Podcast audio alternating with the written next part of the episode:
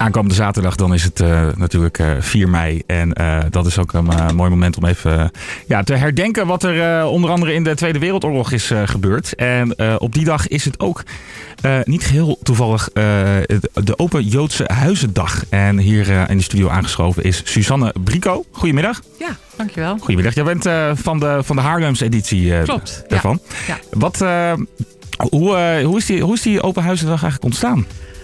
Um, is dat is, echt puur uit, om, om, om, te helpen herdenken ook? Zeg maar? Het is ontstaan in Amsterdam. Het is ja. naar een idee van Denise Citroen. Zij heeft dat bedacht ooit. In 2012 is het in Amsterdam begonnen.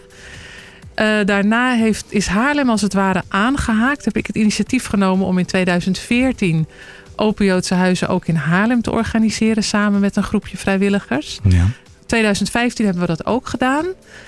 Toen een aantal jaar niet. En nu voor 2019 hebben we de schouders weer onder gezet. En hebben we met een klein groepje mensen weer een prachtig uh, programma samengesteld. En um, wat, wat, wat kunnen we doen op, de, op deze dag? We kunnen natuurlijk huizen bezoeken. Ja, maar... Open Joodse huizen gaat er eigenlijk om dat je... Dat zijn eigenlijk kleine, intieme herdenkingen op de locatie... waar de verhalen van de Joodse families zich hebben afgespeeld.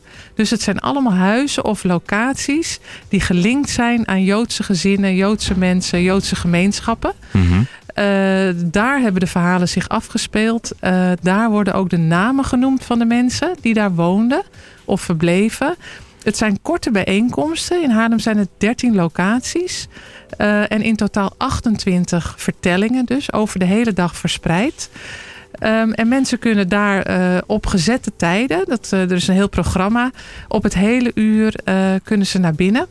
En dan wordt het verhaal verteld door een familielid, een nabestaande, soms een bewoner of een locatiehouder, uh, soms een historicus die zich verdiept heeft in het verhaal. Dus op alle manieren en op allerlei locaties worden verhalen als het ware omhoog gehaald en verteld en gedeeld. En mensen mogen zelf ook komen vertellen. Hè. Er zijn vaak, ja. We weten dat mensen zelf ook verhalen hebben. En, en heeft Haarlem een, een rijke Joodse geschiedenis? Ja, Haarlem ja. Heeft een, had voor de oorlog een vrij grote Joodse gemeenschap. Daar is uh, vanzelfsprekend eigenlijk, moet ik helaas zeggen, na de oorlog handjevol mensen teruggekeerd. Ja. Um, en uh, het is heel erg belangrijk, vinden wij, uh, om ook aan jongeren en aan gezinnen, aan jonge kinderen te laten zien dat de stad waar je dag in dag uit doorheen fietst, de gebouwen die je bezoekt, de locaties, de huis misschien waar je woont, dat dat verhalendragers zijn. Dus dat daar zich veel meer vaak heeft afgespeeld dan dat wij ons uh, bewust zijn. Zo heb je bijvoorbeeld in Haarlem de locatie waar nu de toneelschuur staat. Ja. Daar stond vroeger de Haarlemse synagoge. Heel veel mensen weten dat niet. Uh, nee, dat, dat is prachtig, voor mij dat ook nieuw. Ja, ja. dat was een, ja. een, prachtige synagoge. Is in 1953 afgebrand. En zo heeft Haarlem veel meer locaties. Zo heb je aan het Groot Heiligland bijvoorbeeld het oude Joodse ziekenhuis. Ja. Uh, Haarlem had een van de vijf Joodse ziekenhuizen uh, in Nederland voor de oorlog. Dat was een onderdeel van het oude Elisabeth Gasthuis. En als je goed kijkt zie je de voordeur met allemaal nog de Davidsterretjes erin. En op het dak ook nog een prachtige Davidster. En heel veel mensen fietsen daar elke dag voorbij en weten dat niet. Ja. En nu, nu uh, ja, er is dus genoeg mooie, mooie uh, verhalen te vertellen.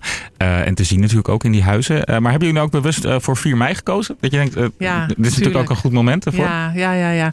Het is, um, het, op 4 mei is herdenken heel erg belangrijk. En herdenken doen we in Nederland natuurlijk op allerlei manieren. maar de kracht van verhalen uh, is enorm. En zeker als dat verteld wordt op locaties waar zich dat ook heeft afgespeeld. Dat maakt heel veel indruk. En mijn ervaring in voorgaande jaren is, is dat het ook... Uh, het doet veel met mensen. Het raakt. En Ja. misschien soms nog wel meer. Of in ieder geval op een andere manier...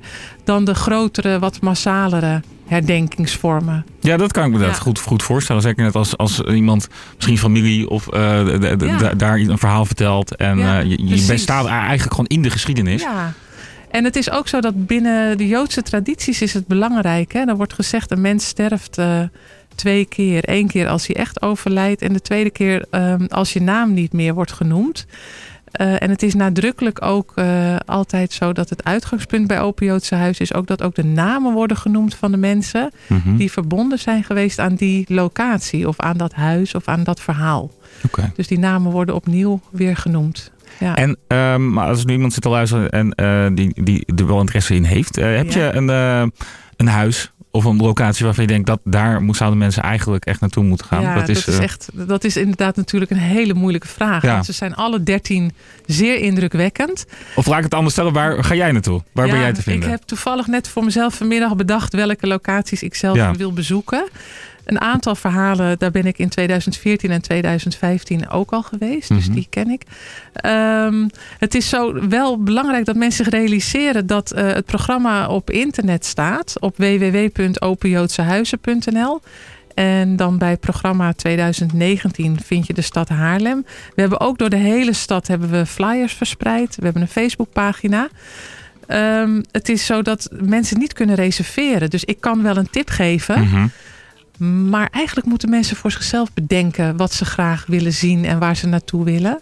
En dan zorgen dat ze daar op tijd zijn. Oké, okay, maar uh, er, is, er is een maximum. Uh, ja, vaak ja. wel. Nou ja, de huizen zijn natuurlijk maar hè, op een gegeven moment vol is vol. Ja, dat is waar. Ja. Je kan niet op een gegeven moment met duizend man naar binnen lopen. Er zijn in Haarlem-Noord een aantal prachtige locaties. In de Oud-Daanstraat 33 vertelt iemand het verhaal van dat huis. Sparenhovenstraat 2a. Daar vertelt Ab Adelaar zijn familieverhaal. Sarendamstraat 33. Daar worden mensen live geïnterviewd die in Arizona wonen, in de Verenigde Staten. Ja. Die hun familieverhaal vertellen. Wilhelminastraat komt Floris Cohen, de broer van Job Cohen, vertellen. Uh, het Jolis ziekenhuis vertelt Rijn Schenen het verhaal over het Jolis ziekenhuis. Hij is zelf werkzaam in het Spaarne gasthuis. Lange Wijngaardstraat Wim de Wacht, historicus. Tempelierstraat Jeannette Wagen. Zij is geboren in het huis waar ze over gaat vertellen. Houtplein 1, ook heel erg mooi. Daar vertelt Paola Koningsveld haar verhaal van haar oma die daar ooit een winkel had. En Arthur van Wezel, zijn familie had de juwelierszaak uh, Houtplein 15, Cohen en Stuurman. Echte oude Haarlemmers zullen zich dat nog kunnen herinneren.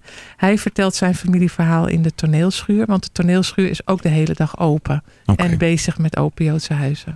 En het volledige programma is dus na te lezen op uh, openjoodsehuizen.nl. En dan bij het programma kan je doorklikken Zeker. naar Haarlem. Iedereen van harte welkom. Ja. Nou, dan uh, wil ik je heel erg bedanken Suzanne voor je, voor je komst naar de Graag studio. Gedaan. En uh, um, ja, wij zijn er ook bij uh, ergens op een locatie. Fijn. Ja, om, en jullie ook heel erg bedankt mee te maken. voor de uitnodiging. Ja, ja graag gedaan. En uh, succes zaterdag. Veel plezier ook. Dank je.